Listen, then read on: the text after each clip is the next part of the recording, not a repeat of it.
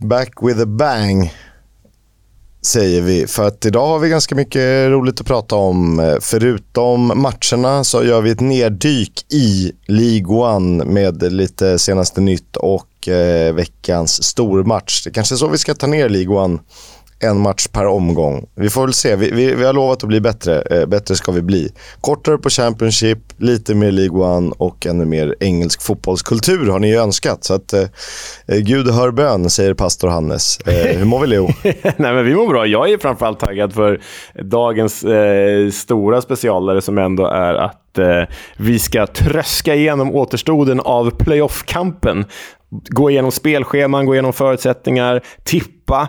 Eh, det blir köttigt. Det blir kul. Det, blir, det är liksom som att på förhand eh, på, på en tre månaders, under en tre månaders period tippa nio stryktips. Så lätt är det. ja, så lätt är det. Det är skitsvårt och vi kommer ju ha jättemycket fel. Men vi, eh, vi öppnar upp för en diskussion mellan eh, er och oss. Så det blir kul. Mm, det blir jättekul.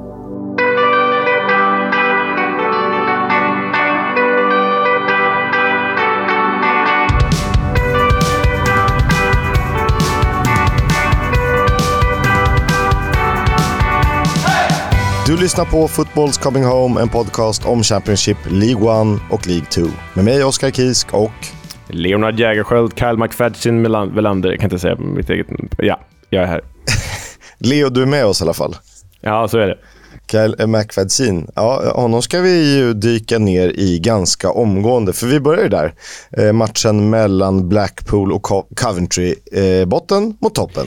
Ja, och nej, vi visste väl det på förhand att så här, Blackpools 6-1 mot QPR bara var freak of nature, freak accident. För, för, eh, eller så berodde det kanske mer på att QPR, hur, eh, berodde på hur dåliga QPR är. För Blackpool, vi visste att Blackpool inte skulle kunna följa upp den 6-1-viktorian, för här blev det ju 1. 1-4 hemma mot Coventry. Och nog för att Coventry är bra, men så här överlever man inte i The Championship, Mick McCarthy och Blackpool. Nej, och var de verkligen så bra, Coventry? De var effektiva, de hade lite flyt med domaren. Blackpool kanske skulle haft en straff. Ja, det borde de väl haft, eh, tycker jag i alla fall. Och sen, Gyökeres hade kunnat få syna ett rött kort också eh, i en eh, ganska het duell där. Fick det inte. Så jag menar, Blackpool och Mick McCarthy var väldigt missnöjda med domaren efteråt. Eh, sen förlorar man med 1-4 så förlorar man ju med 1-4. Men eh, häpnadsväckande här, fyra mål från Coventry och inte ett enda från Gyökeres. Det är ju en styrka. Det är en, eh, naturligtvis en jättestor styrka och eh, eh Coventry har ett rätt osexigt lag, men de har ett väldigt bra lag. Så kan man väl eh, sammanfatta det hyfsat. För att eh, vinner matcher gör de och de väger ju upp den där drömmen om playoff från eh, bottenlag till... De och Coventry, har, eller, Coventry och QPR har ju bytt skepnad nu under säsongen. Ja, men verkligen. Så nej, men Coventry har ju visat allvar. Eh, eh, visat att de menar allvar här i, inför slutspurten. Och mer om det i vår playoff-genomgång, men det här är ju på riktigt. Eh, vilket är jäkligt kul att se. Desto deppigare för Blackpool då, som nu har bara tagit nio pinnar av 33 möjliga under ja, halvnya tränaren Mick McCarthy. Då. Så det, ja, då överlever man inte. Då säkrar man inte ett kontrakt. Det gör man inte. Sen vet man inte om det är bra eller dåligt. det, är, det är en, så här, nio poäng för Blackpool i det här läget med den truppen. Ja, alltså det är inte så illa pinkat ändå, men eh, de har ju eh, tappat 24 stycken där. Eh, som de förmodligen ännu inte hade plockat, så att, jag vet inte. Nej, men jag vet inte. Vi har ju varit inne på det förut med Blackpool. Att säga. Jag tycker det finns mer fotboll i, det här, i den här truppen, i det här laget. Framförallt en mer liksom, offensiv fotboll med ungdomlig entusiasm. entusiasm. Och hur mycket jag än älskar liksom, profilen Mick McCarthy och hans härliga uttalanden utan att han är riktigt medveten om det själv, så står ju han för något helt annat än liksom ungdomlig entusiasm och glädje och offensivlusta. Så äh, jag, jag, jag, jag har nog landat i att det här är en fel utnämning och en ganska avgörande sådan. Ja, men man vill nog ändå hävda att jag var ganska rätt på det eh, innan. Men en, en spelare som Josh Bowler har ju inte imponerat och det trodde jag skulle kunna vara skillnaden mellan säkrat kontrakt och inte. Har inte spelat eh, så många 90 minuter. Nej, men eh, alltså skillnaden på Bowler nu och Bowler då var ju att Bowler förra säsongen, det var ju i, ett off, i en offensivt frisläppt roll eh, under Neil Critchley. Och det här är ju liksom i, nu spelar han med fjättror och bojor under Mick McCarthy och bollen skickas över hans huvud. Så, äh, då är det svårt att påverka.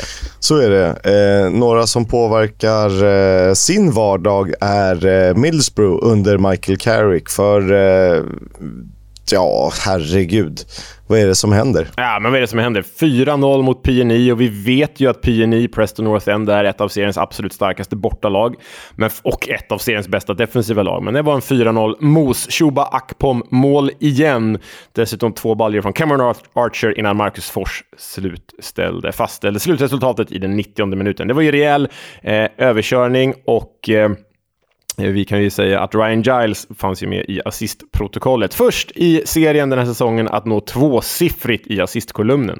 Eh, Cameron Archer gjorde två mål mot klubben. Han var utlånad till förra säsongen. I och med det har han gjort 6 plus 3 på 10 starter och det känns ju som succé om något. Då har ju dessutom Akpom en lekkamrat, Akpom, som är effektivast i, i hela serien.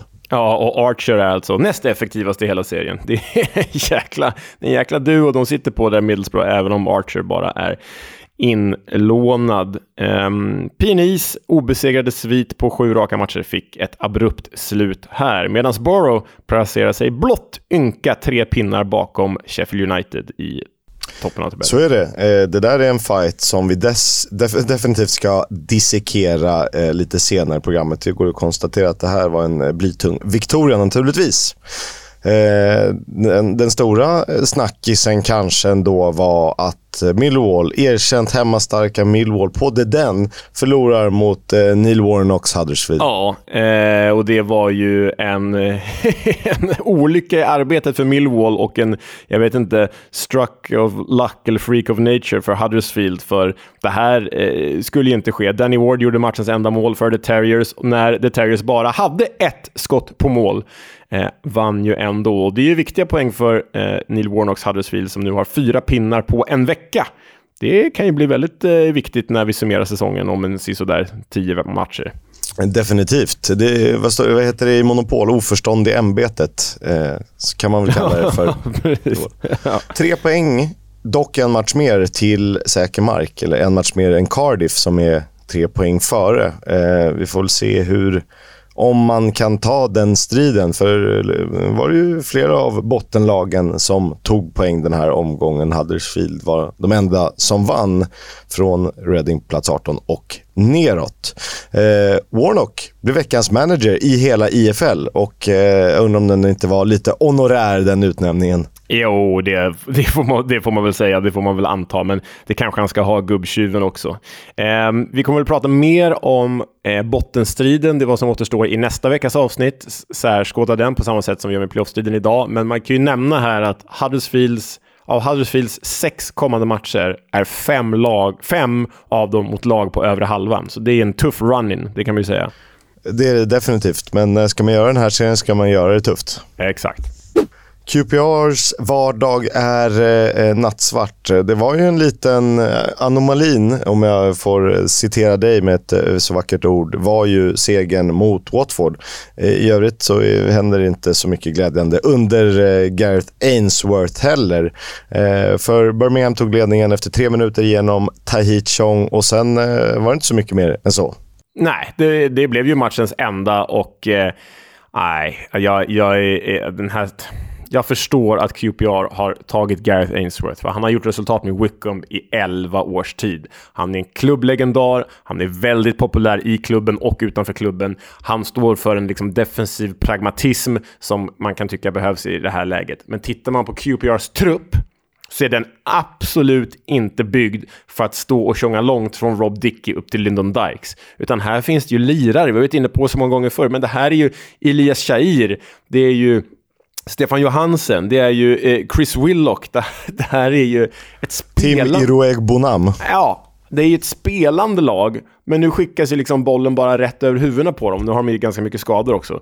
Men ja, jag undrar om det här är rätt för QPR, för truppen är inte alls byggd så här. Och det här, alltså, det här kan sluta riktigt illa, för Raset har ju gått så in i helsike jäkla fort för, eh, för bägge de här lagen, men för QPR är det ju värre nu när Birmingham vann. För tittar man på de här lagen på juldagen, då låg alltså QPR sexa och Birmingham nia. Nu är det ju panisk nedflyttningsstrid för bägge, även om Birmingham fick lite andrum med nio pinnar ner nu. Det, det, är väl osannolikt att både Huddersfield och Blackpool, som är, är en del av jumbotrion, eh, ska börja förlora så kopiöst mycket. Men eh, det är väl klart att det är lite nerv borde QPR känna, givet den här formen. Och de har inte helt lätt framåt heller, för de möter ganska tuffa lag. Eller alla lag är ju tuffa i och med att de ligger på 19 plats. Ja, men alltså titta, tittar man på deras form. Nu har de alltså sju förluster på åtta senast. Det har bara tagit 12 poäng på 22 matcher. Eh, jämför man dem med Birmingham, Birmingham har ju liksom verkligen klarat den här utmaningen nu. För på deras senaste matcher har de ju tagit sju pinnar mot Wigan, bottenlag, Rotherham, eh, eh, bottenlag, QPR bottenlag. Sju pinnar mot de tre, ja då har man väl typ, då säkrar man ju kontraktet. Eh, så är det definitivt. Vi kan nog de 45 poängarna som i, i nuläget i Birmingham och Reading kan vi nog avskriva från bottenstriden. Men det, det, det, kan vi inte stå här och prata om idag. Det, vi får väl vänta till eh, nästa vecka. Ja, och kanske räkna in Reddings minuspoäng då, om de, om de går i effekt. Så ja, vi väntar med det en vecka. Vi väntar en vecka. Eh, vi säger att eh, Birmingham har tagit sin första seger i London sedan 2019.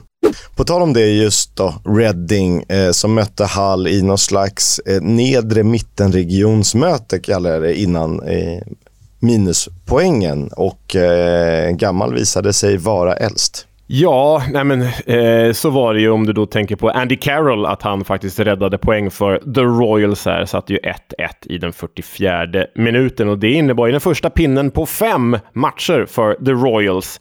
Och alla de där poängen kan ju bli viktiga vid eventuella sex minuspoäng som ju skulle dra ner med bottensidan. Men det får vi återkomma till när det blir aktuellt. Jag vet inte vad du säger Kisk. Jag såg inte den här matchen. Jag har sett highlights däremot och läst statistiken. Tigers borde väl ha vunnit, men var inte så effektiva.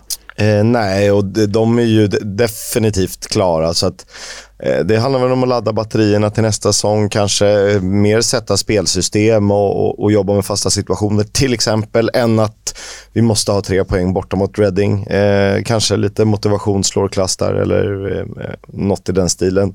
1-1 blev det alltså Andy Carroll gjorde sitt sjunde mål för säsongen. Jag måste säga att jag tycker det är riktigt, riktigt bra i ett så dåligt lag som Reading som förvisso har spelat ganska bra, men eh, han inte, behöver inte vara den naturliga målskytten i det här gänget. Nej, alltså tänk, och jag tycker också att det har varit en, en, han har gjort en bra säsong. Han är bättre i spelet än vad målkolumnen visar, men jag håller med om att målkolumnen är okej. Okay. Men tänk om Paul Ince hade fått utväxling på Lucas Schwau också. Alltså Schwau, en fungerande Schwau som vi vet är god för 15-20 mål i ett piss-Reading. Eh, om han hade fått honom att fungera bredvid Carroll, då är det ju ett dunderanfallspar. Nu har ju liksom varken Joao eller Long riktigt fungerat under Paulins.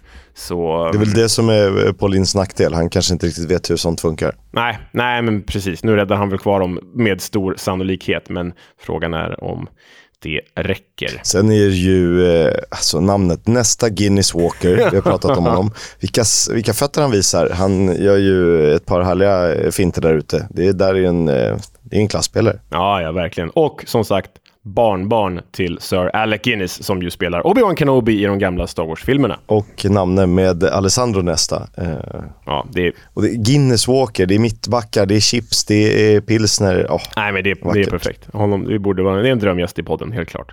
Det eh, spelades en match, eller i, åtminstone en matchinledning på New York Stadium. Rotherham, Cardiff, Jaden Philogen Bides gjorde ju eh, ledningsmålet för Cardiff i den femte minuten. Eh, sen avbröts matchen. Eh, planen såg ju sådär ut. Ja, alltså det här var ju på förhand en extremt viktig match för bottenstriden. Cardiff bakom Rotherham skulle kunna gå om vid seger. Eh, Rotherham hade väl kunnat lämna bottenträsket åtminstone lite tillfälligt vid seger för dem. Eh, men Cardiff var ju faktiskt bättre i de första 45 här eh, och den avbröts ju då matchen i minut 48. Vattensjuk plan, massivt regn.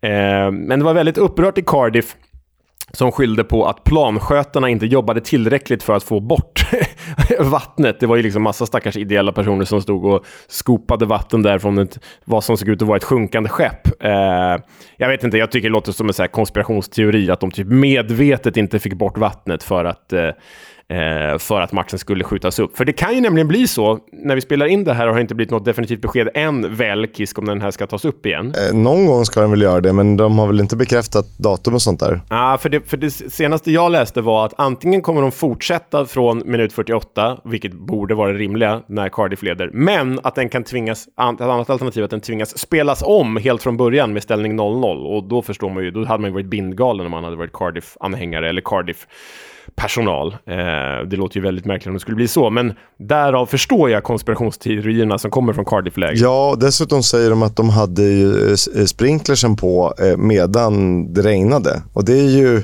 intressant om något. vi måste nästan fråga Victor Johansson om det här stämmer, för det låter ju helt, helt sjukt om det är så. Hörni, det regnar. Vi sätter på sprinklers. Nej, eh, sen är det så här, alltså, i, i nuläget så tjänar ju Rotherham på om den börjar om från början, vilket jag då kanske inte tror. Rent logiskt och historiskt så känns det som att matchen spelas från där den avbröts. Eh, men det är väl bara bättre att spela den så man blir av med den än att den kommer på en onsdag när man egentligen skulle varit lediga. I en tuff bottenstrid. Ja, men lite, men lite så. Verkligen. Eh, vi får se hur turerna går där. Man, men det, det vore ju en... Eh, ah, men, nästan sensationell skandal om det skulle spelas om från början. Men vi får väl se. Vi återkommer när nyhetsläget berättar sanningen för vi, oss. Vi är ju, supportermässigt är vi 100% team Victor, ganska få procent team Cardiff i alla dueller. Så att, jag vet inte, vi, för oss är det okej okay om, om, matchen börjar om från början. ja, det är absolut okej. Okay. Här finns det ingen journalistisk objektivitet. Nej, men det är klart matchen eh, ska börja om i 48 minuten. Det var väl då den eh, avbröts, va? Ja. Stoke Norwich eh, spelade 0-0, men det var eh, The Potters, The Mighty Potters, som var det bättre laget i den här matchen. Ja, nej men alltså överlägsna och de har ju verkligen eh, hittat formen alldeles för sent förstås. De kan ju som bäst bli typ eh, plats 11-12 kanske. Eh, nej men de körde ju över Norwich här, borde ju ha gjort mål om det inte vore för den gode Angus Gunn i Norwich-målet som var, har ju konkurrerat ut Tim Krul i Norwich-klassen den här säsongen och var ju definitivt matchens lirare och eh, du har ju till och med skrivit så stora ord, Kisk, som att det kanske var säsongens målvaktsinsats. Eh, av den gode Gunn. Ja, men en av dem är det. Eh, alltså, skulle man ta ut topp 3-4 så måste den här vara med. Så bra är han ju. Ja, ja, ja, och han har ju faktiskt belönats för det här, för redan före den här matchen, han är ju tidigare eh, ungdomslandslagsman för England, gjort 12 u landslagskamper för England, men han har ju belönats för det här i veckan genom att ta sig ut för första gången i det skotska A-landslaget. Eh, så det är ju stort för honom och det är ju såklart extra stort för Gunn som ju är Norwich-fostrad. Fast han då eh, varit i en massa andra klubbar innan han fick chansen på riktigt här för något år sedan. Så kul för Gunn, desto tråkigare för Stoke. Och desto tråkigare för Norwich överlag, för att eh, vad håller de på med? Ja, nej, de, de spelar absolut inte i paritet med så bra som de borde vara. Det känns som att eh, det kan vara ett playoff-tåg som ryker här. Men mer om det lite senare i avsnittet. Eh, Sunderland var väl involverade i playoff-striden. Vi kommer att prata om dem givetvis. Eh, Luton är det definitivt. Eh, och här hade de ju flyt, Sunderland alltså alltså. Ja, för Luton tog ju ledningen i början av andra halvleken genom Alfie Dotti. Um, ehm, och sen gick det så långt in i matchen att man trodde att Luton återigen skulle vinna en match med 1-0. Men så blev det inte, för med fem minuter kvar tilldömdes ju Sunderland en påhittad straff. Eh, vad vi kallar en låtsasstraff. Amad Diallo rullade in den till 1-1 och säkrade poäng för Sunderland, men det är ju Nej, det är en hiskeligt svag straff det här. Det, det, det, får, man ju, det får man ju tillstå. Eh, det lär väl inte påverka Luton allt för mycket i längden, men billig är den. Det som är lite störigt också är ju att domaren eh, tar ju inte beslutet själv, alltså huvuddomaren. Nej, eh, utan väntar en stund, blickar ut mot linjedomaren som nästan har en sämre position. Eh, men ja, alla ser att det inte är straff. Men så här blir det ibland och det får väl vara ett, ett mänskligt misstag som vi är beredda, eh, hellre än att VAR gör ett misstag. Eh. Ja. Nej, nej, hellre det här än VAR, men det, det, vi måste få skälla på domaren också när han gör fel och det här var ju definitivt fel. Carlton Morris var mållös och det är ju en smärre skandal. Ja, då blir det ju 1-1 istället för 1-0. Exakt. W-derby, Watford mot Wigan och eh, the usual suspects, eller? Ja, för Wigan kanske? Ja, jag vet inte.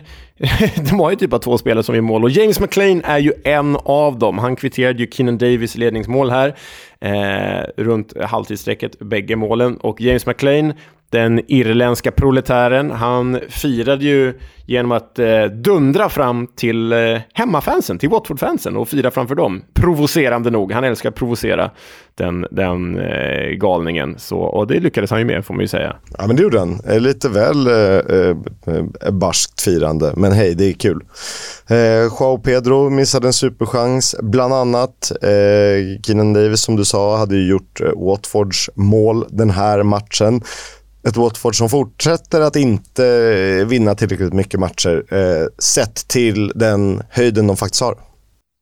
Nej, alltså de har ju bara vunnit fyra matcher sedan jul. Och det kan inte Wilder beskyllas för, för han har ju bara tränat dem i tre matcher. Men de har bara vunnit fyra matcher sedan jul och om vi då tittar på Wilders eh, inledande matcher, då har de alltså tagit fyra poäng mot Wigan, QPR och Birmingham. Mm, det är ju inte så bra. Det är ju ett lag som inte kan föra matcher då. Tänk, tänk vad lustigt det är. Förra säsongen och eh, framåt sommaren så pratades det om att eh, Premier League-klubbar vill plocka över Chris Wilder som sin nästa manager. Men eh, i klipp några månader senare så har han ju fått dojan från Borough. Eh, nu är han i Watford och det går ju allt annat än bra. Och det kan vända naturligtvis, men eh, så där ser det ut. Nej, det ser ju sådär ut. Och eh, fokus i den här matchen, som Ken Sema för övrigt spelade från start, återigen. Men, men det var ju att Chris Wilder och Sean Maloney, de bägge tränarna, bråkade om maskning. Chris Wilder anklagade ju Sean Maloneys Wigan för att maska redan efter 1-1 målet då i den 51 minuten. Ja, men då får Watford göra fler mål, för den typen av spelarmaterial har de. Lee Trundle-derby, ett eh, falskt seven-side derby eh, var det ju. För att eh, det bittra derbyt på, eh, över floden är ju mellan Bristol City och Cardiff. Eh, och eh, historiskt sett så har Swansea Bristol City varit lite av ett vänskapsderby eh, givet att liksom, Cardiff är båda lagens största rival och att Lee Trundle varit lite av en ikon för båda klubbarna. Och här var det ju Swansea som tog Victorian i det där eh, mittenträsket som vi ändå får kalla det, eller nedre mittenträsket. Ja, eh, det här var väl kanske den matchen den här omgången med minst betydelse för tabellen. Eh, och utöver Lee Trundle Derby så är det ju då eh, vi hatar bägge Cardiff-derbyt. Eh, men eh, det blev 2-0 till Swansea. Liam Cullen och Olivier Ncham eh, eh gjorde varsin pyts. Cham som faktiskt spelade riktigt bra, tydligen, eh, enligt Rapport. Eh, Swanseas blott fjärde seger sedan oktober. Deras första hållna nolla sedan november. Mm. Det är inte så bra för vad åtminstone jag målade upp som en playoff-utmanare Nej, och eh, det som gäller för Swansea är att bygga om i sommar. Frågan är om de har tålamod att göra det med Russell Martin. Då måste de ge honom möjligheten och spelarmaterialet. För jag tror att gör man sin scouting så kan man nog hitta mycket godis från de lägre divisionerna som skulle passa in i Russell Martin Ball. Men då måste han ju också få utrymme för att få det att funka. Annars kan man lika gärna ta någon av eh, stofilerna som skickar långpukor upp på, på Pirou som kanske inte är kvar då. Nej, precis. Nej, Swansea, vi ser fram emot ett nytt Swansea nästa höst. Det spelades ju fa Cup-kvartsfinaler också och vi kan konstatera att Sheffield United är enda IFL-representant i semifinal. De är faktiskt det första Championship-laget att nå så långt på åtta år. Det gör de efter att ha besegrat Blackburn med 3-2. Nu ställs de mot Manchester City som mosade Burnley med 6-0 där Vincent Company hyllades inför. Och det blir ju alltid speciellt när motståndartränaren hyllas inför en match. Det är ju som att eh, den redan är avgjord då. Ja, jag har ju liksom upplevt någon så här konstig bakvänd grej över det. För jag är ju, som i alla fall du vet, HIF-are, helsingborgare och jag stod ju i Helsingborgsklacken den där märkliga dagen. Sören Kratz-matchen eller? Jajamän, när Bayern nitade mitt kära Helsingborg med 3-1 och dåvarande Helsingborgstränaren Sören Kratz då regerande allsvensk mästare med Bayern sprang ärevarv efter att ha förlorat med 3-1. Sprang ärevarv på Söderstadion och sen fick sparken samma kväll. Eh, det var ju väldigt speciellt. Jag har nog sällan varit mer upprörd som supporter tror jag. Så, så gör man inte. Nej, eh, han dödade liksom sin tränarlegacy där eh, till viss del, men eh, blev ju eh, ännu mer adlad i Bayern så att, eh, märkligt. Vi ska inte fastna vid Sören Kratz historia, utan vi ska gå vidare till League One-kollen.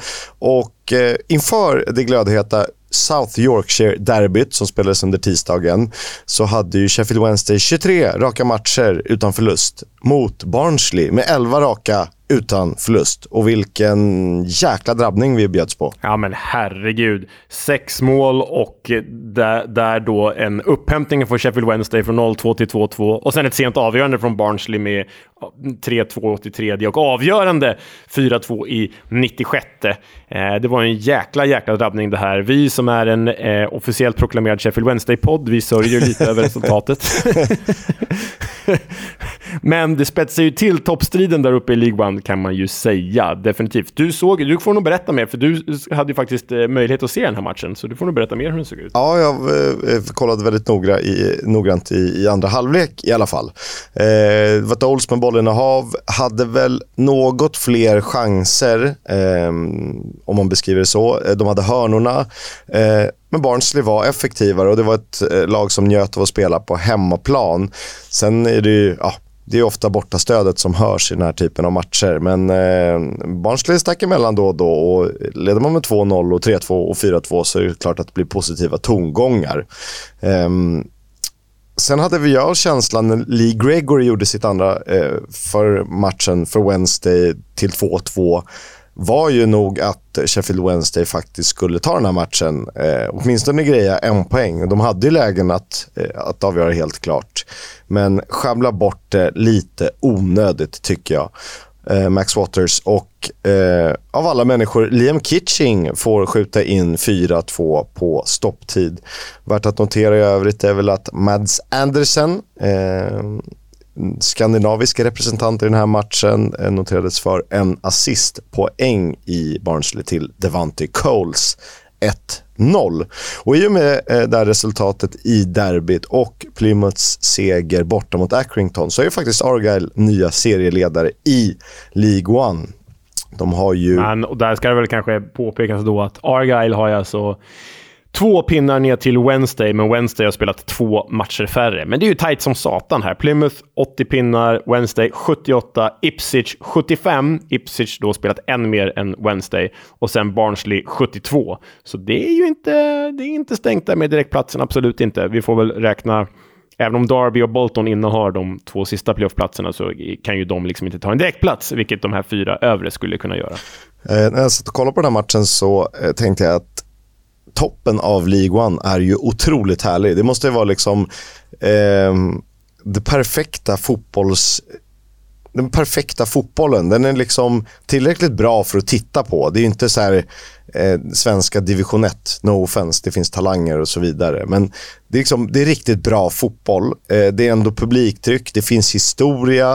Eh, men du slipper det liksom överkommersiella och även om de har dyra eh, tröjor och feta sponsorkontrakt och så vidare så är det... Mm, ja, men jag tror att det, det här har jag liksom hittat min fotboll.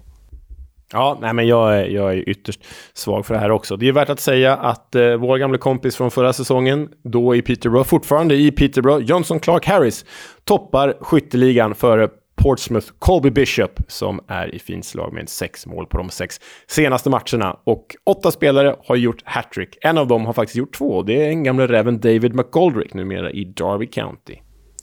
Ja, man kan säga om toppen att Plymouth och Sheffield är etta och två, men det är Ipswich och Barnsley som är formstarkast. Båda har 5-1-0 i resultatraden. Bristol Rovers har ju haft det eh, tuffare på sistone i League One, liksom Aaron Collins. Han har ju bara gjort en på en, ett plus ett heter det, på de nio senaste för Walesaren som delar poängligan eh, med Johnson Clark Harris.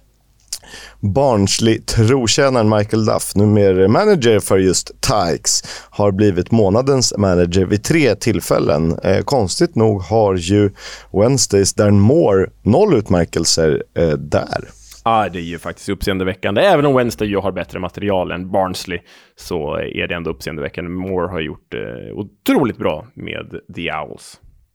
Slutligen då, i League 2 så gjorde Charlie Austin fyra mål för Swindon borta mot Rochdale. Vilket betyder att han har gjort åtta mål på elva framträdanden sedan återkomsten till den brittiska fotbollen.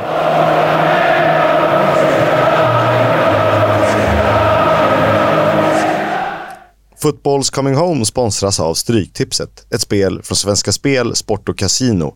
För dig över 18 år. Stödlinjen.se fantastiskt roligt med EM-kval, även om landslagsuppehållen är speciella såklart. Jag fastnar lite för matchen mellan Kroatien och Wales. Och även om jag alltid tyckte om det kroatiska landslaget med spelare som eh, Niko Kranjcar, Davor Šuker etc. etc. Så är det Wales-gänget man fastnar för här med eh, en hel del IFL-representanter. Eh, vilka är mest intressanta? Tom Bradshaw, Millwall-anfallaren, eh, kanske får speltid. Bara gjort tre landskamper tidigare trots 30 år. Eh, vi har en Joe Morell som ju spelar i Pompey som var en av de uttagna från tredje divisionen. Eh, häftigt nog. Vi har Sorba Thomas, en gammal favorit. Ben Cabango. Connor Roberts i Burnley som eh, kanske minst sexiga namnet i Burnley men eh, samtidigt ett av de mest trygga. Adam Davis, Sheffield United-målvakten. Eh, Nathan Broadhead som spelade i Wigan förut, numera i Ipswich, eh, väntar på att få göra sin landslagsdebut. Det gör ju även Jordan James i Birmingham City, Ollie Cooper i Swansea. Um, så det kan nog bli väldigt, väldigt spännande. Uh, Morgan Fox, 29 år gammal, spelar i Stoke till vardags. Väntar också på sin landslagsdebut. Så mycket att uh, titta närmare på när Kroatien möter Wales. Tack till Stryktipset. Listen, Swindon. Sweden. It's a country you tool. Viktor Gyökeres eh, mötte ju Blackpool och Coventry gjorde fyra. Eh, den svenska anfallaren gjorde inget. Däremot var han ju delaktig med en framspelning i storsegern och belönad med fina betyget 7,52 av WhoScored. Ken Sema spelade ju från start för Watford mot Wigan. Inget mål, ingen assist. Fick 6,45 av WhoScored och var ju då kvar som vänster wingback under Chris Wilder. Vänster wingback under Wilder. Vänster wingback under Wilder. Eh, mot Wigan. Mot Wigan. Så precis som Watford. ja, lurig, mycket VN och WM där. Men ja, han fick 87 minuter och gjorde inget större avtryck. Viktor Johansson tvingades släppa ett 1-0 eh, mål förbi sig eftersom det var en försvarsrörig situation där eh, mittbackar och Johansson alla ska upp och härja. Eh, men den matchen blev ju avbruten så inga officiella betyg och så ännu. Vi får återkomma till den. Anel Ahmedhodzic spelade 90 minuter för Sheffield United, fick hyfsade betyget 6,95 av Who Scored och är ju dominant i Blaze-försvaret även om Blackburn Rovers då mäktade med två mål i den här cupkvarten. Ehm, men var ju återigen bästa defensiva spelare när Blades säkrade sin semifinalplats mot Manchester City. Hjalmar Ekdal spelade konstigt nog inte. Han togs ut i startelvan, men när matchen började så eh, var ju Al-Dakil där istället. Och eh, varken Burnley eller någon har förtydligat eh, situationen mer än så, så vi får låta det vara. Det kanske var illamående sjukdom. Jag brukar gilla transparens i de lägena. Under måndagen blev det bekräftat från English Football League att Wigan Athletic får minus tre poäng givet den finansiella situationen som de har satt sig själva och eh, laget i. Ja, och det här om vi ska stanna till där lite kort. Det här är ju ett enormt dråpslag för klubben. Det är ju inte oväntat, men det här är ju, det grusar ju det minsta lilla hopp de skulle kunna, kunna ha kvar. Det är absolut inte matematiskt klart, men nu stänger vi väl dörrarna för Wigan. Nu är de väl ute, Kisk? Ja, eh, det här är ju, ja, det blir mer eller mindre klart, men man undrar ju hur, hur svårt det ska vara. Och vidare i det här eh, då så är det ju så att Wigan-spelarna har ju erbjudits delutbetalningar eh, från klubben, att de ska få sina löner, löner delutbetalade. Alltså inte allt som klubben är skyldig dem, utan bara delar av dem månadsvis. Och det har ju upprört och det, det förstår man ju. Och det här är ju en följetong vi lär få fortsätta följa. Sean Maloney är så förbannad att han personligen eh, åker till Bahrain för att ställa Wiggins ägare, det här konsortiet, mot väggen. Och det är ju faktiskt eh, imponerande. Det är ju riktigt eh, bra gjort. Starkt Maloney. Det uppskattar man ju. Och vidare när det kommer till kaotiska klubbar så rapporteras det om att Huddersfield kan, eh, jag vet inte varför jag skrivit det här på engelska Kisk, men go into administration. Hamna under förvaltning. Eh, ja, konkursförvaltning då, för att på så sätt skriva av klubbens skulder, vilket skulle förenkla försäljningen av klubben, för då behöver ju en ny köpare inte, inte eh, ta sig an några gamla skulder. Eh, detta skulle dock medföra 12 minuspoäng i vår eller nästa säsong, vilket förstås då kommer avskräcka eventuella köpare.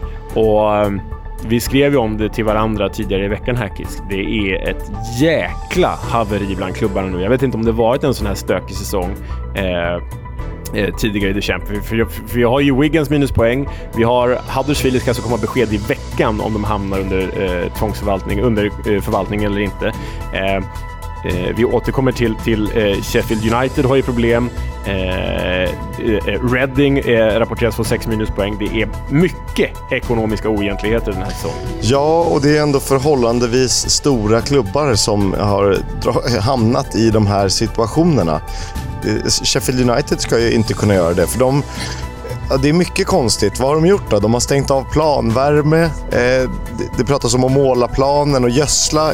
Kan du dra oss igenom alla turer? Ja, alltså Sheffield United då, för att spara pengar, rapporteras det enligt lokalpress. Det här är helt sjukt. De har ju stängt av värmen under planen, för det finns ju så här heating under gräset. Den har de stängt av för att spara pengar, elkostnader. De har också förbjudit personalen att måla om på arenan, vilket tydligen varit pågående, att liksom eh, göra lokalerna finare. Det har de förbjudit för mål, målarfärgen kostar pengar. Och de har förbjudit att använda motsvarande, man säger väl inte gödsel, men i brist på bättre ord, att gödsla gräset. Eh, för att det också kostar pengar. Och det är tydligen så att Sheffield Uniteds nuvarande ägare, saudierna, de balanserar på en sån, vilket låter märkligt, men balanserar på en sån extremt skör tråd ekonomiskt här, att lite back i kassan kan innebära konkursförvaltning för Sheffield United. Och det är därför de är så extremt beroende av att antingen ett, gå upp i Premier League för att få den där miljarden som alla längtar efter. Eller två, att sälja klubben till den här, vad heter han? Dozy Mombozi. Eh, Dozy Mombozi som verkar vara en riktigt shady typ, så där det inte ens finns några garanterade pengar.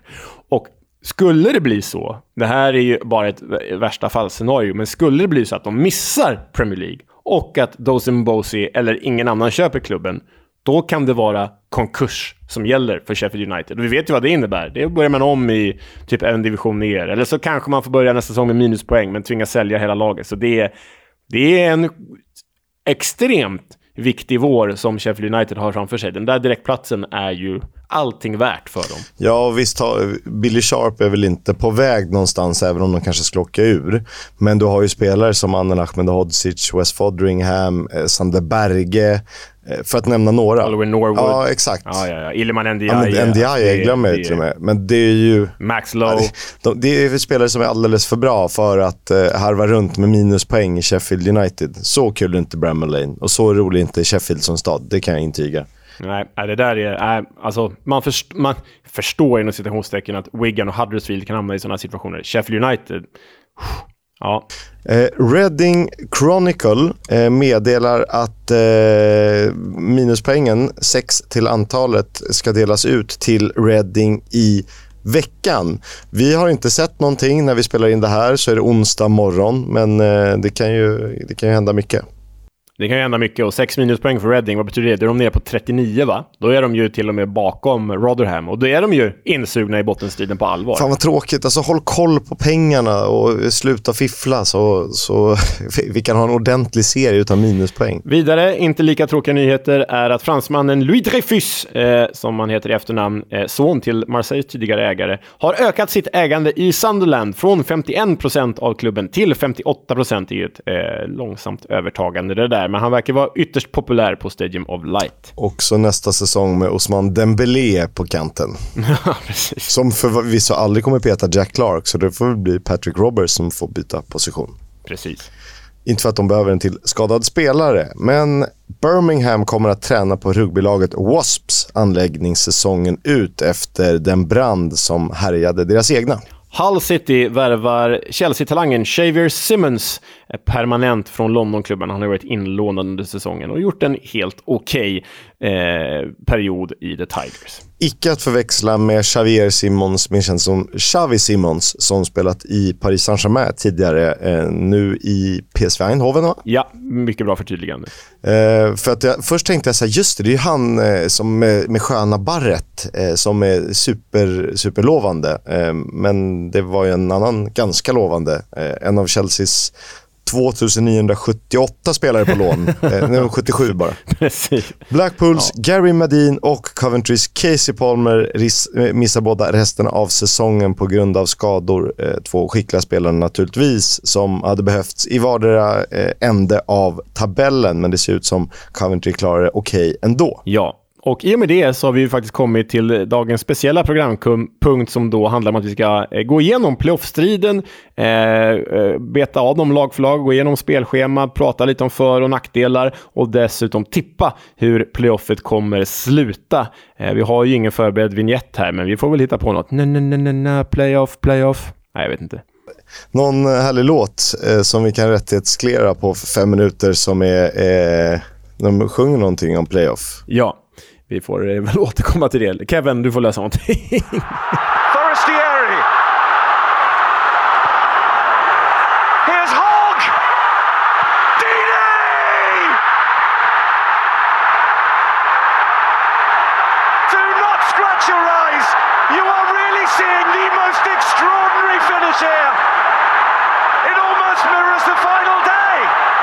Eh, och vi börjar högst upp. Vi har väl räknat bort Burnley. Vi har, eh, de är ju klara. De har 13 poäng till godo. Dessutom har de ju 16 ner till Middlesbrough. Så att vi pratar om matcher från att de kan säkra en direktplats till Premier League. Eh, så vi börjar med Sheffield United.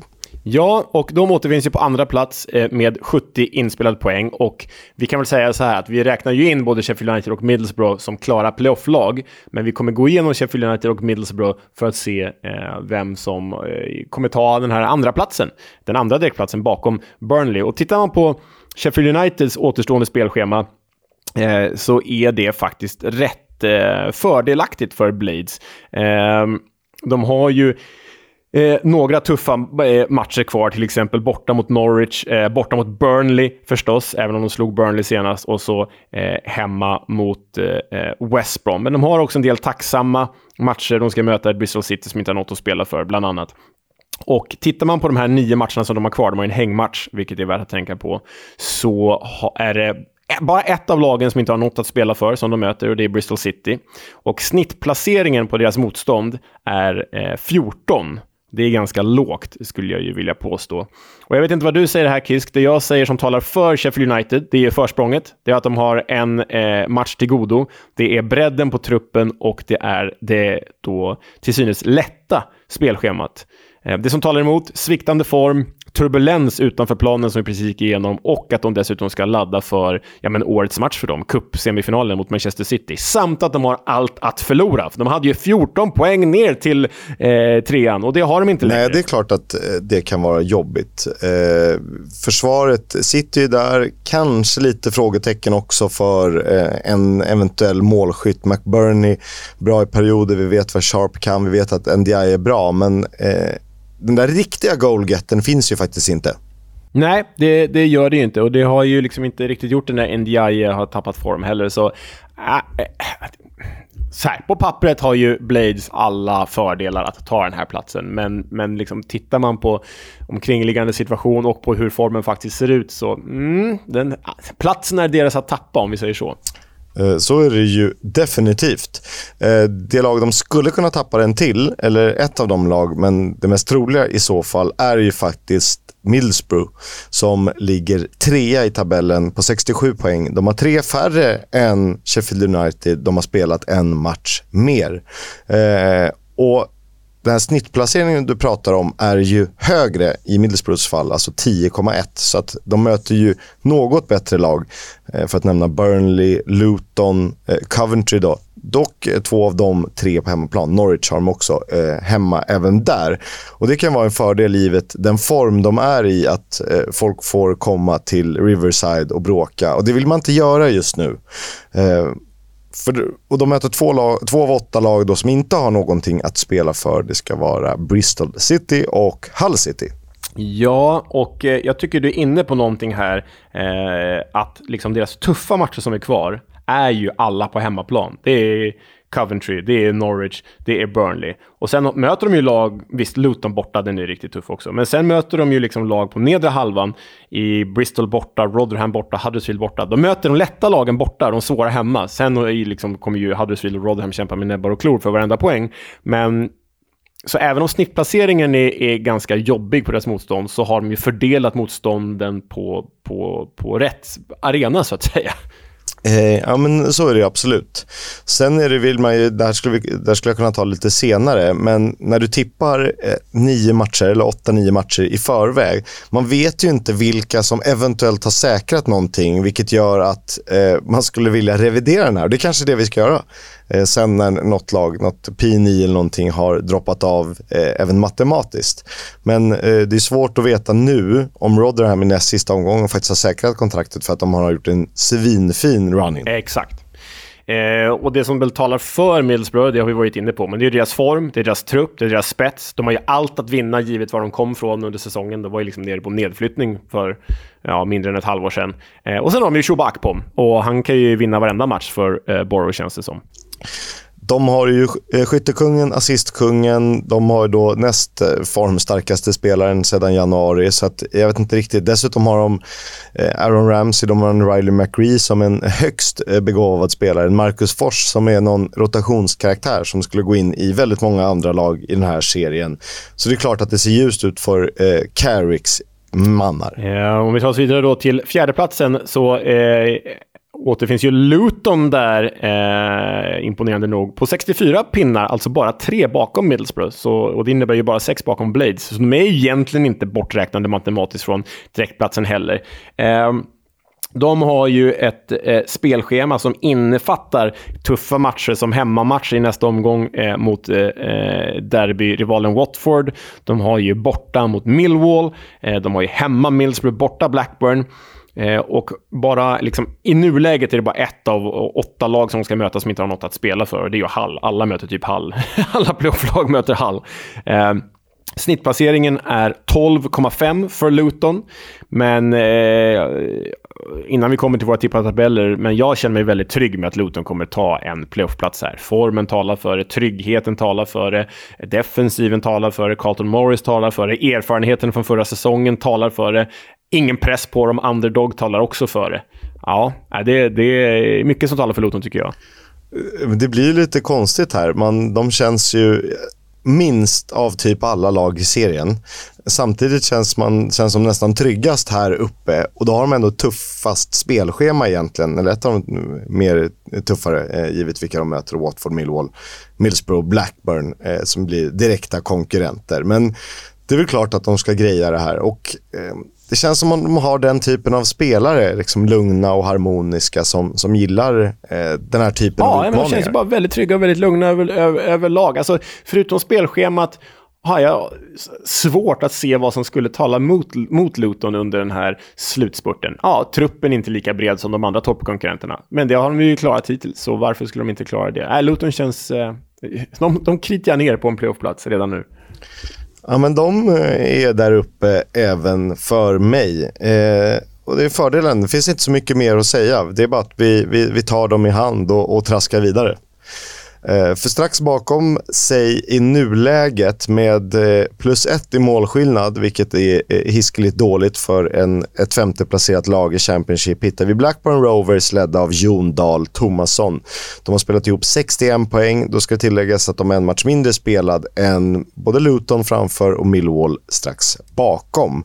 Eh, Inget av lagen eh, de har kvar att möta har i nuläget inget att spela för, eh, vilket såklart gör det tufft.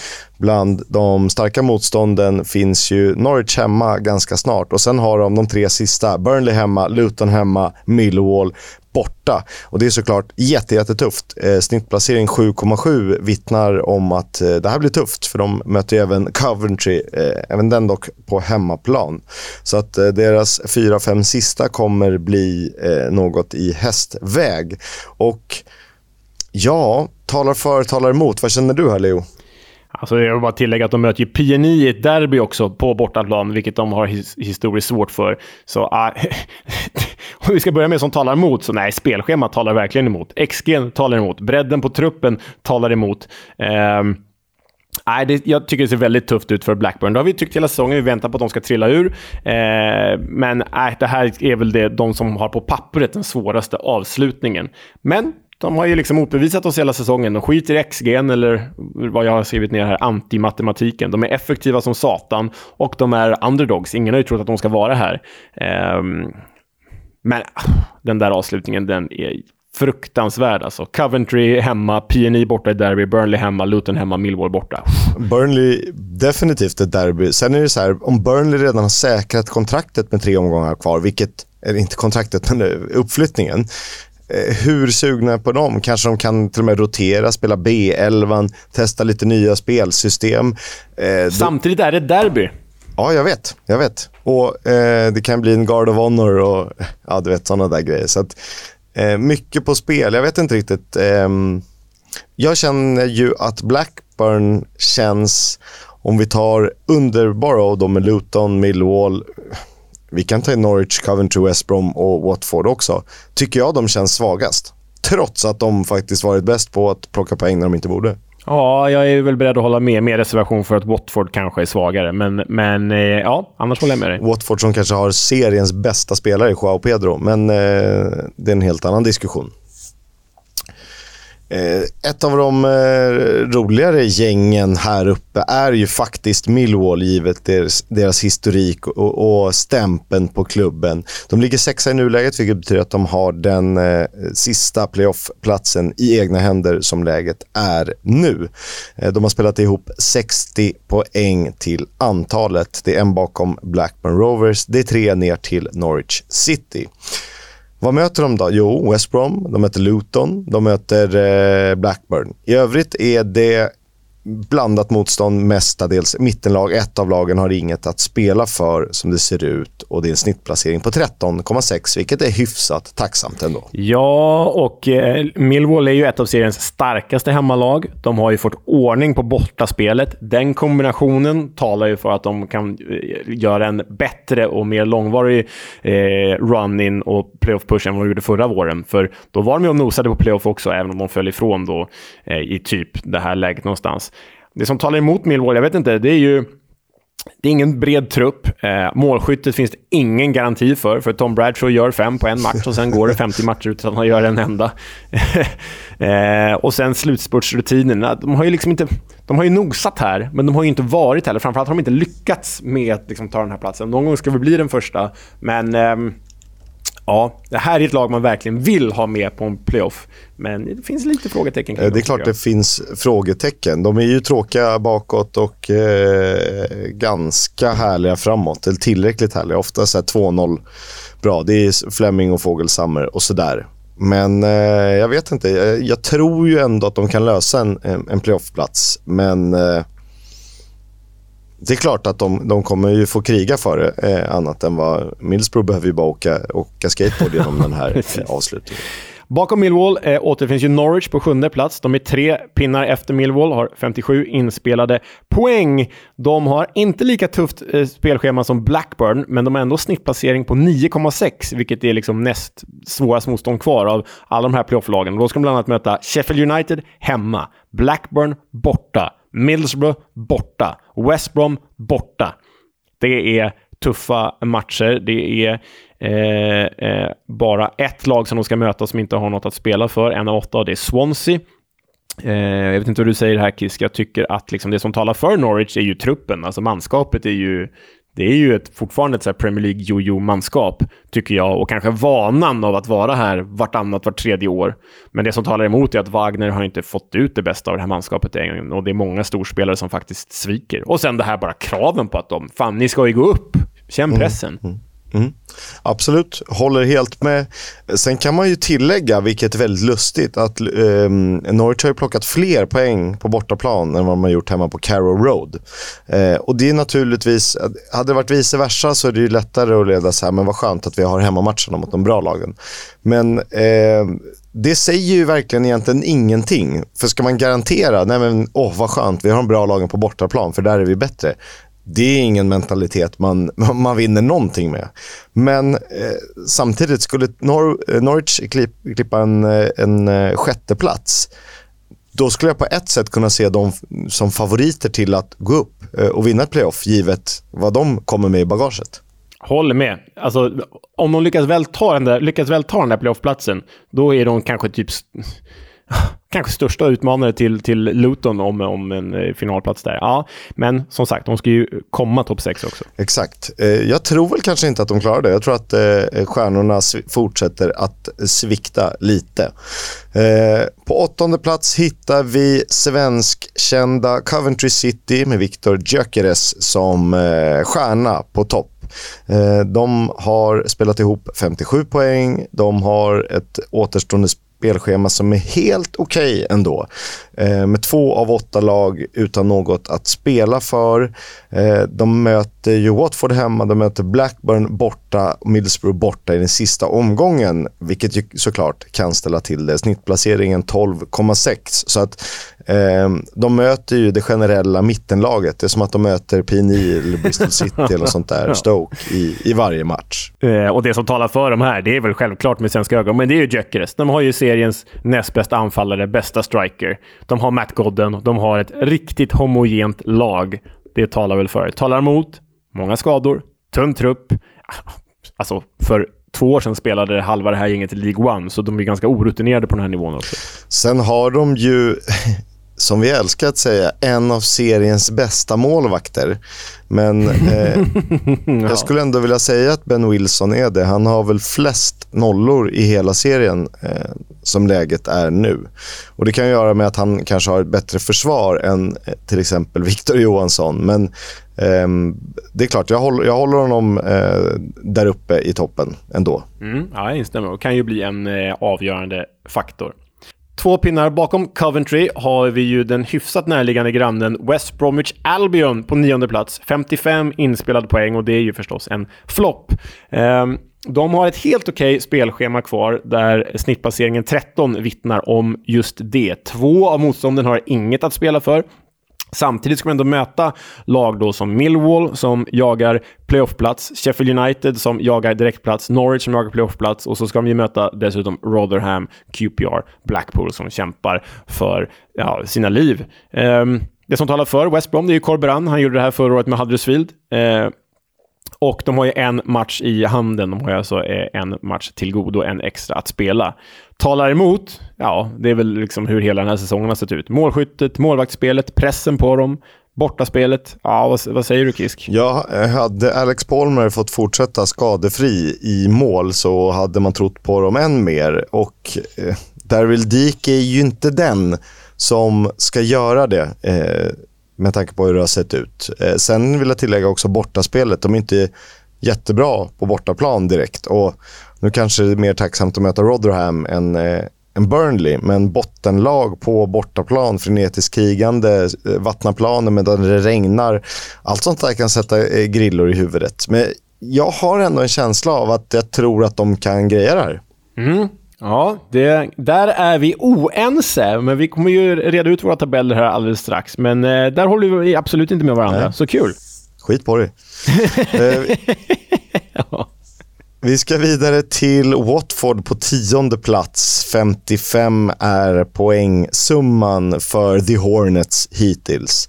Eh, de möter tre av åtta lag som inte har något att spela för. Eh, snittplaceringen är 13,5 och det låter ju faktiskt ganska tacksamt. Det börjar borta mot Luton nästa match. Sen har de också Coventry på bortaplan, men i övrigt är det inte omöjligt. Eh, det är en blandad skara i mitten och i botten. Eh, Sunderland borta naturligtvis också svår, även om eh, de har halkat efter lite.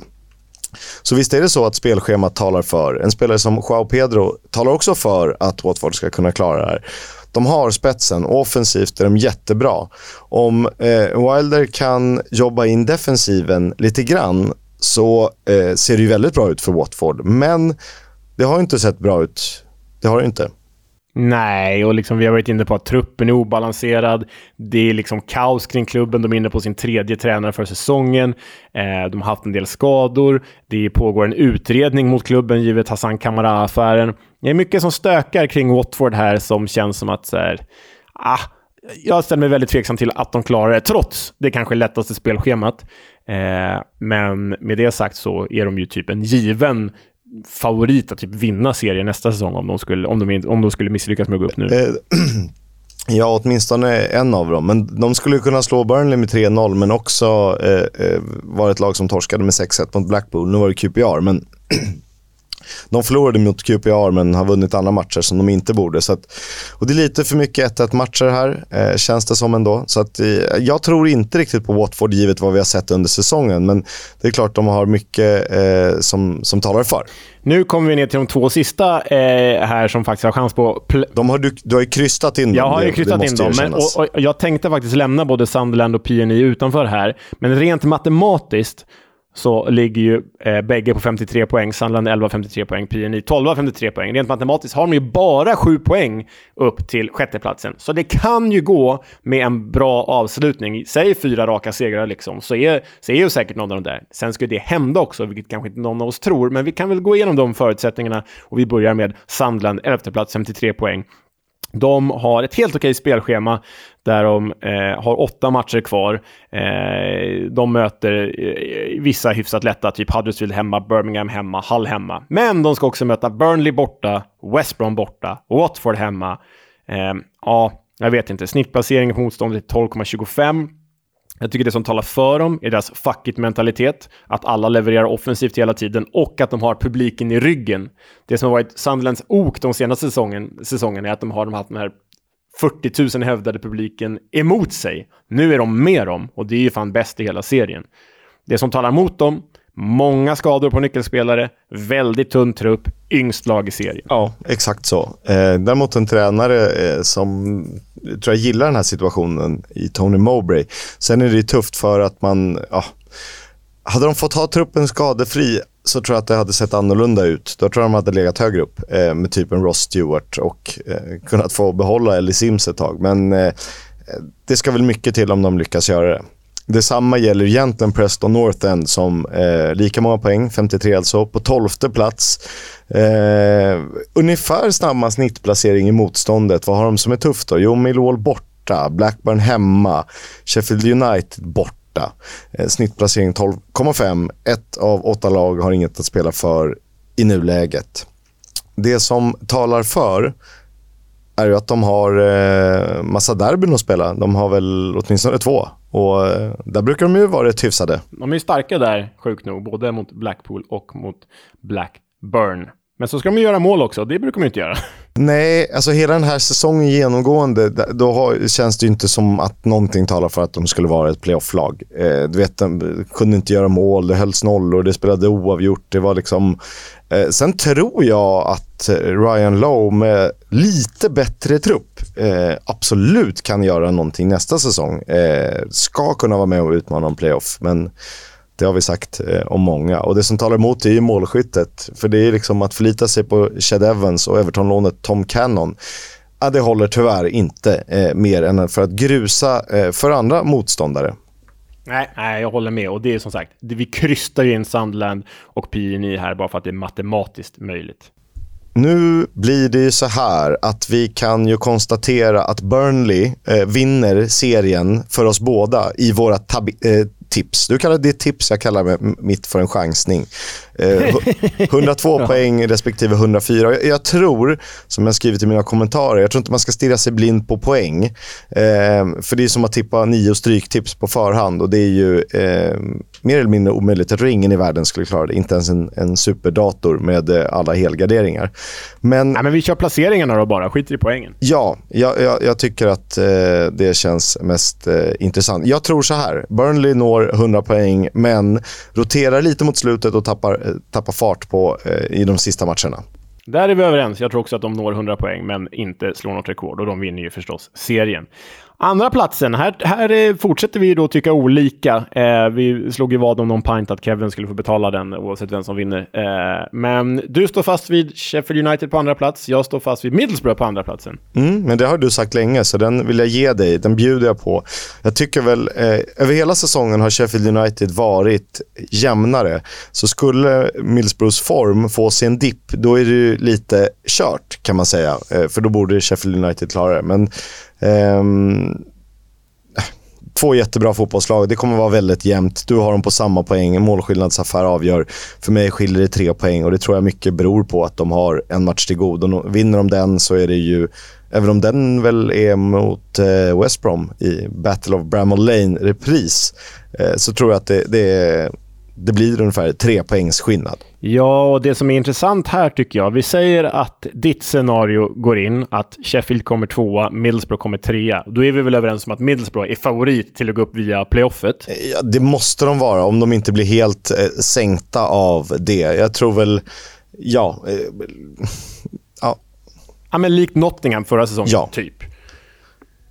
Ja, men skulle mitt scenario gå in, att Middlesbrough tar den andra däckplatsen och Sheffield United blir trea, då har jag inte United som favorit att, att gå, eh, vinna playoffet. För då känns det som att de, det är en jäkla smocka för dem att faktiskt tappa den där platsen som de haft hela säsongen. Ja, fördelen är att de kommer väl redan då ha spelat på Wembley. Eh, de har gjort det bra i kupperna vilket ändå kan liknas vid liksom, eh, känslan i ett playoff. Um, men jag, jag förstår du, hur du tänker, att man liksom, ja men då är det nog Luton som kan greja det. Uh, för att Sheffield United har redan tappat en direktplats. Uh, nu riskerar de att tappa ytterligare mm. en chans att gå upp, såklart. Men vi kan väl säga plats fyra är vi helt överens. Där hamnar Luton eh, hos dig på 80, hos mig på 79. Men runt 80 poäng. Mm. Och sen skiljer det sig eh, lite då. Vi har ju ett samma lag, även om eh, du har dem på femte plats och jag har dem på sjätte plats. Men det är ju Millwall. Vi tror bägge att Millwall grejar här. Och vi, det kanske är så att man tippar eller slash chansar lite med någon slags hjärta här. Inte för att jag känner något för Millwall, men det vore kul med Millwall på platsen. Men jag tror ändå att Millwall har det här i sig. Eh, att de grejar det eh, ja, faktiskt. Ja, eh, exakt så. Och det roligaste som vi ska komma till nu, det är ju att ingen av oss tror att Blackburn eh, grejar en playoffplats trots att de har dem, den i egna händer. Ingen tror heller att Norwich eller Watford lyckas göra en sista push givet att de är direkt från Premier League och kan ta sjätteplatsen. För du har ju dessutom en annorlunda femteplatsare än vad jag har. Mm. Och eh, här eh, talar ju liksom truppbredden emot, men jag tycker liksom formen och framförallt det här med Gyökeres kan vara avgörande. Jag har alltså Coventry på femte plats eh, och du har ju då, ja vilka har du på din sjätte plats då som utgör sista skillnaden? Eh, West Bromwich Albion givet att jag tippade dem som mästare eh, långt inför säsongen så måste jag liksom greppa efter ett sista halmstrå och de, de, kan väl få den. Jag tycker ändå att de förtjänar den och Corberan är ju, ja vi, honom gillar vi. Ja, honom gillar vi. Men skulle det här gå in, vi är, vi är ju hyfsat överens ändå, det får vi ju säga. Alltså det skiljer ju på andra och tredje platsen vilka, placerar, vilka vi placerar där och sen då på West Brom kontra Coventry på playoff. Men det här innebär ju alltså, bara för, bara för att egentligen förstärka det du sa, men skulle det här typ gå in så kommer ju alltså Watford, Norwich och Blackburn inte ens nå playoff. Och det vore ju en jäkla grej. Men vi har ju tippat fel förr, så det kanske alla de tre kanske hamnar på playoff. Millwall åker ur. Vi, vi missade den lilla detaljen. De går jättedåligt. det kommer inte hända. Men då har du eh, playoff-mötena, eller playoff-semifinalerna Sheffield United mot Millwall och Luton mot Coventry. Intressant. Och jag har Borough, West Brom och Luton, Millwall. Uff. 80-tals riots all over again. Ja, ja jäklar. Det låter fantastiskt kul det här, oavsett hur det blir. Det är nästan så vi måste eh, sträcka ut en hand och be någon sponsra oss. Eh, vi vill åka på playoff-matcherna. Ja, men verkligen. Finns det någon barmhärtig samarit där ute? Likt HF hade Mr X en gång i tiden så är vi öppna för Mr X. Kan väl Mrs också. Så länge ni skickar oss på plats så är vi glada. Eh, eh, är det något mer vi behöver kommentera? Eh, du har ju sagt det, eh, QPR har ett tufft eh, spelschema, men de får vi ta i bottenstridssnacket eh, nästa gång. Sista omgången, Millsbrook, Coventry, Millwall, Blackburn väldigt, väldigt oh, intressant. Och jag, jag, tror till och med att eh, Rovers kan tappa det här på målskillnad. Eh, för att de har så jäkla dåligt eh, med Ja, med nej, men det, det tror jag också. Och i, I våra tips har vi de typ... Jag tror att du har dem på målskillnad utanför va? och jag har dem på en poäng bakom playoff. Så ja, nej, vi får se. Det blir ruskigt spännande. Men nu har det blivit dags för veckans We'll have a chat about the fucking game. About your game, last few months, last few weeks. Fucking character. Det är ju få gånger man eh, sitter och tittar på eh, postmatch comments med en tränare i en andra division. Eh, men man vet ju att det kan finnas guldkorn och han, han säger mycket roligt. Neil Warnock, för han är ju tillbaka. Vi är otroligt tacksamma för det. Och eh, han snackar om allt möjligt i den här eh, lilla minipressisen när han pratar med sitt egna filmteam. Bland annat så pratar han om domarinsatsen och tror du att han är nöjd med eh, eh att domarna verkligen vågar ta risker på det den? Är det en retorisk fråga? Uh, pretty much so. ja, men vi lyssnar. Yeah, I, th- I mean, I thought it was a nailed on red card with it when he leant with his arm, Cooper, and even did one in the second half and got a yellow card. And I thought that should be a second yellow card, you know. But it, I, I, I might not altogether blame the referee. Looking at his position, I think he might have been uh, in the wrong position to see the arm coming up. But that's where your linesman should help him. But can you see a linesman putting his flag up when, when you're playing at Millwall? you're very brave, aren't you, if you do that? Ja, nej, man, eh, man älskar ju när han kör alltså. Nej, det är otroligt roligt att eh, höra när han eh, sågar domarna. Inget ont om domare. Eh, det får Alexander Mitrovic och Neil Warnock stå för. Men det är väldigt roligt att lyssna på. Och med de bevingade orden så säger vi på återhörande, lycka till, eh, må gott, eh, ta hand om er kan vi väl säga. Mm, det gör vi. Hej hej allihopa. Ciao!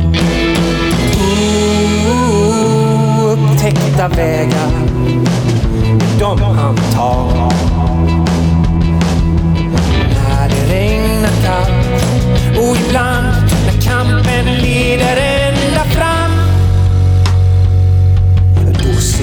vi på lördag igen.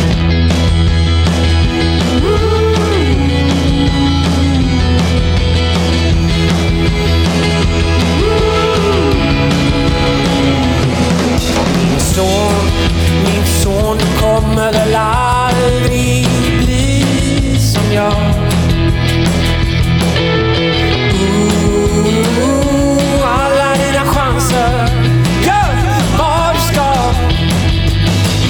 så regnar det kallt, men till slut leder kampen